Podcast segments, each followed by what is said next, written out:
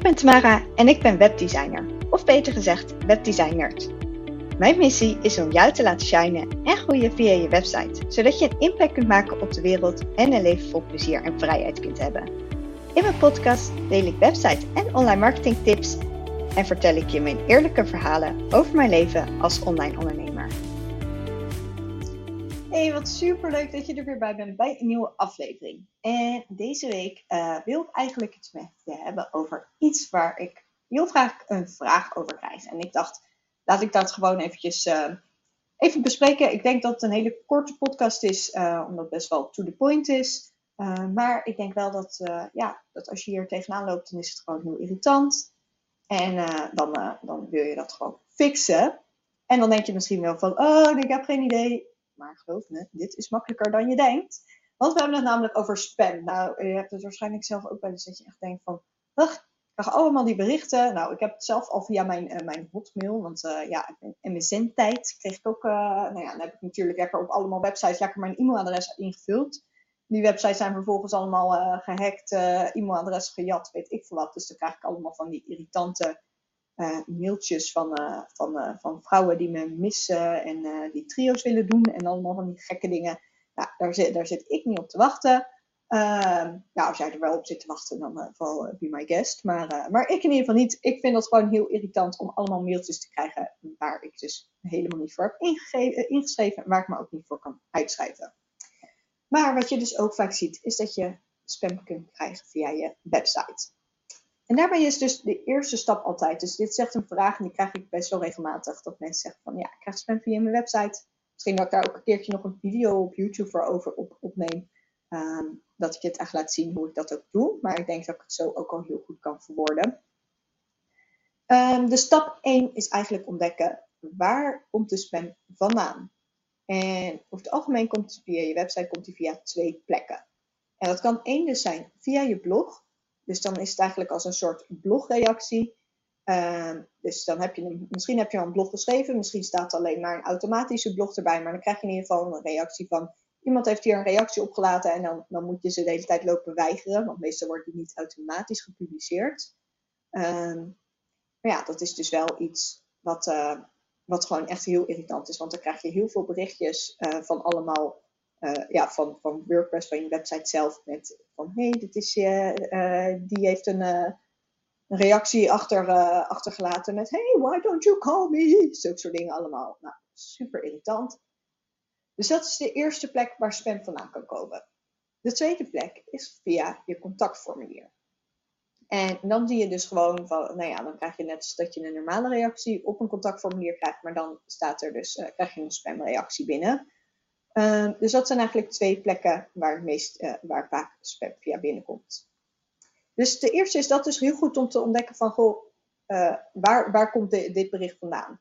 Dus dat, is, dat is stap 1. Want ik wil het gewoon eventjes heel erg met, die, met gewoon stappen hebben. Gewoon dat duidelijk is en dat je gelijk weet, hup, gelijk bam, actie, gelijk hup, weg met al die rot spammers. Um, dan gaan we dus eerst van, merk jij dat jij dus spam binnenkrijgt via je blog? Wat doe je dan? Je kunt sowieso kun je ervoor kiezen dus om uh, te zorgen dat mensen geen reactie meer kunnen achterlaten. En dat kun je dus instellen bij je WordPress instellingen en dan staat er een kopje met reacties en dan kun je dat dus uitschakelen. Vaak voor als je al meerdere blogs hebt, dan moet je die wel nog handmatig, moet je die dus via de blogpost handmatig nog uitschakelen, zodat die op oudere blogs niet uh, mensen ook geen reacties meer kunnen achterlaten. Maar er zijn natuurlijk voor- en nadelen aan. Want het is natuurlijk ook dat als jij zeker actief blogger bent, dan is het best wel interessant als mensen ook reacties onder je blog achterlaten. Um, dat werkt ook goed voor, uh, voor je zoekmachine-optimalisatie. Um, dus het is even de vraag van, goh, wil je dat? Wat is het doel van je blog? Um, dus wil je dat mensen daar reacties op achterlaten of niet? Maar wat daarin dus ook een tweede optie is, is als je zegt van hé, hey, ik wil wel dat mensen reactie achterlaten, maar ik wil niet die spammers hebben. Dan kun je er dus gewoon een anti-spamfilter op zetten. En ik gebruik, je kan bijvoorbeeld uh, uh, Akismet, dat is, uh, ik hoop dat ik het goed uitspreek trouwens. Dat is een hele bekende, is een betaalde plugin. Um, en, en die werkt altijd heel goed. maar ik gebruik zelf gebruik een gratis plugin. En nou ja, eigenlijk merk ik dat sinds dat ik die erop zet, krijg ik ja, ik wilde zeggen vrijwel nooit, maar eigenlijk nooit spam meer binnen via mijn blog. Dus dat is echt top. en die heet Anti-Spam Bee. Dus een anti-spam bijtje eigenlijk. Nou ja, die, dus die, die haalt dan in ieder geval, die filtert al die spamreacties filtert die uit, zodat mensen dus geen spamreacties meer kunnen, kunnen achterlaten. Dus dat is heel fijn. Maar misschien krijg jij niet via je belogde uh, spammers binnen, maar via het contactformulier. Dan is het, de eerste is dus om uh, Google reCAPTCHA uh, te installeren. En dat, je kent dat vast wel, dus dat je bijvoorbeeld, nou, de, de, de ene die, soms dan moet je bijvoorbeeld een rekensommetje oplossen. Nou ja, oké. maar bij sommigen is het van, ja, uh, vink alle auto's aan of vink alle verkeerslichten. En ik weet niet wat dat is. Ben ik hier? Nee, dat geloof ik niet. Uh, ik heb die, die puzzel heel vaak fout. En ik ben echt een heel slim persoon. Maar het is dus heel vaak dat je dan. Dat je blijkbaar heb je dan toch een stukje van de foto gemist. Of wat dan ook. Of uh, dat iets er wel onder valt of iets niet. Nou ja, in ieder geval, dat is best wel iets, iets wat. Ik vind dat een heel irritant iets. Kijk, het werkt. Maar het is wel echt heel vervelend, is het. Maar wat je dus ook hebt, als ik, je kunt dus bijvoorbeeld met Divi, um, dus ik werk dus met Divi als ik websites bouw, uh, kun je dus ook gewoon het ja, reCAPTCHA soort inbouwen.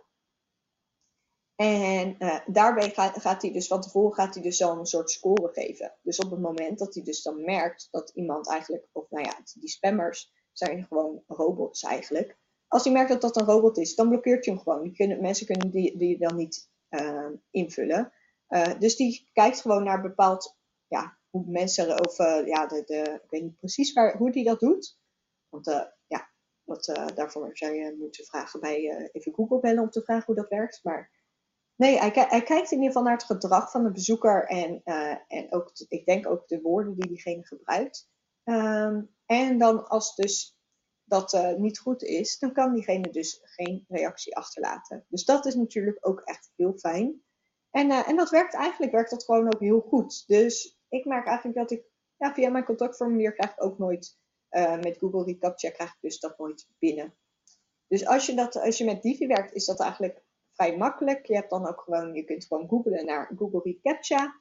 Krijg je een, uh, ja, krijg je een soort code, krijg je. Dan kun je, voeg je je website toe, voegt de naam in. Dan krijg je, de, dan krijg je een code en die vul je dan in, in Divi. Um, stel dat je werkt met een andere, ik weet niet precies, bijvoorbeeld als je met Elementor werkt of, uh, of met een, iets anders, um, dan, dan kun, je wel, kun je het ook invullen hoor, maar dan, uh, dan weet ik niet precies hoe die instellingen eruit zien. Maar met Divi is het in ieder geval heel makkelijk. Uh, dus, dus daarmee kun je dat in ieder geval voorkomen.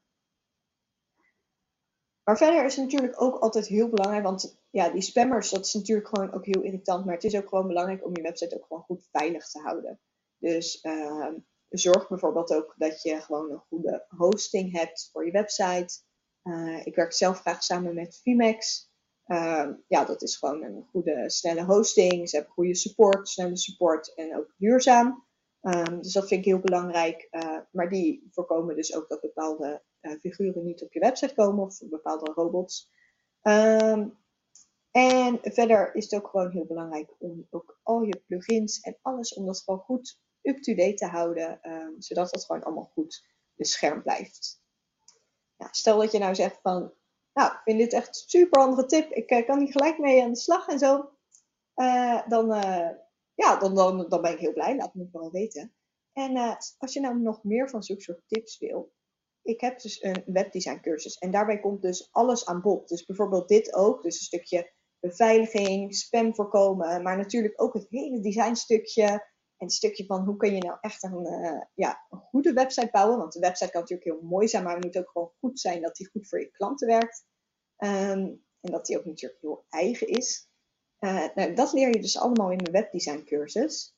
Dus die, uh, nou ja, zoals je denkt van, hé, hey, dat lijkt me leuk. Die kun je dus kopen via, via de link die ik in de beschrijving doe. En ja, dan, dan leer je eigenlijk, dan word je zelf ook gewoon een beetje een, een webdesign expert. Dus dat is natuurlijk heel leuk.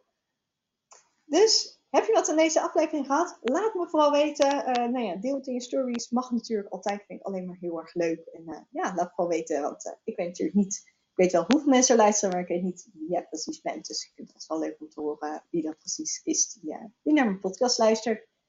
En dan spreek ik jou volgende week weer.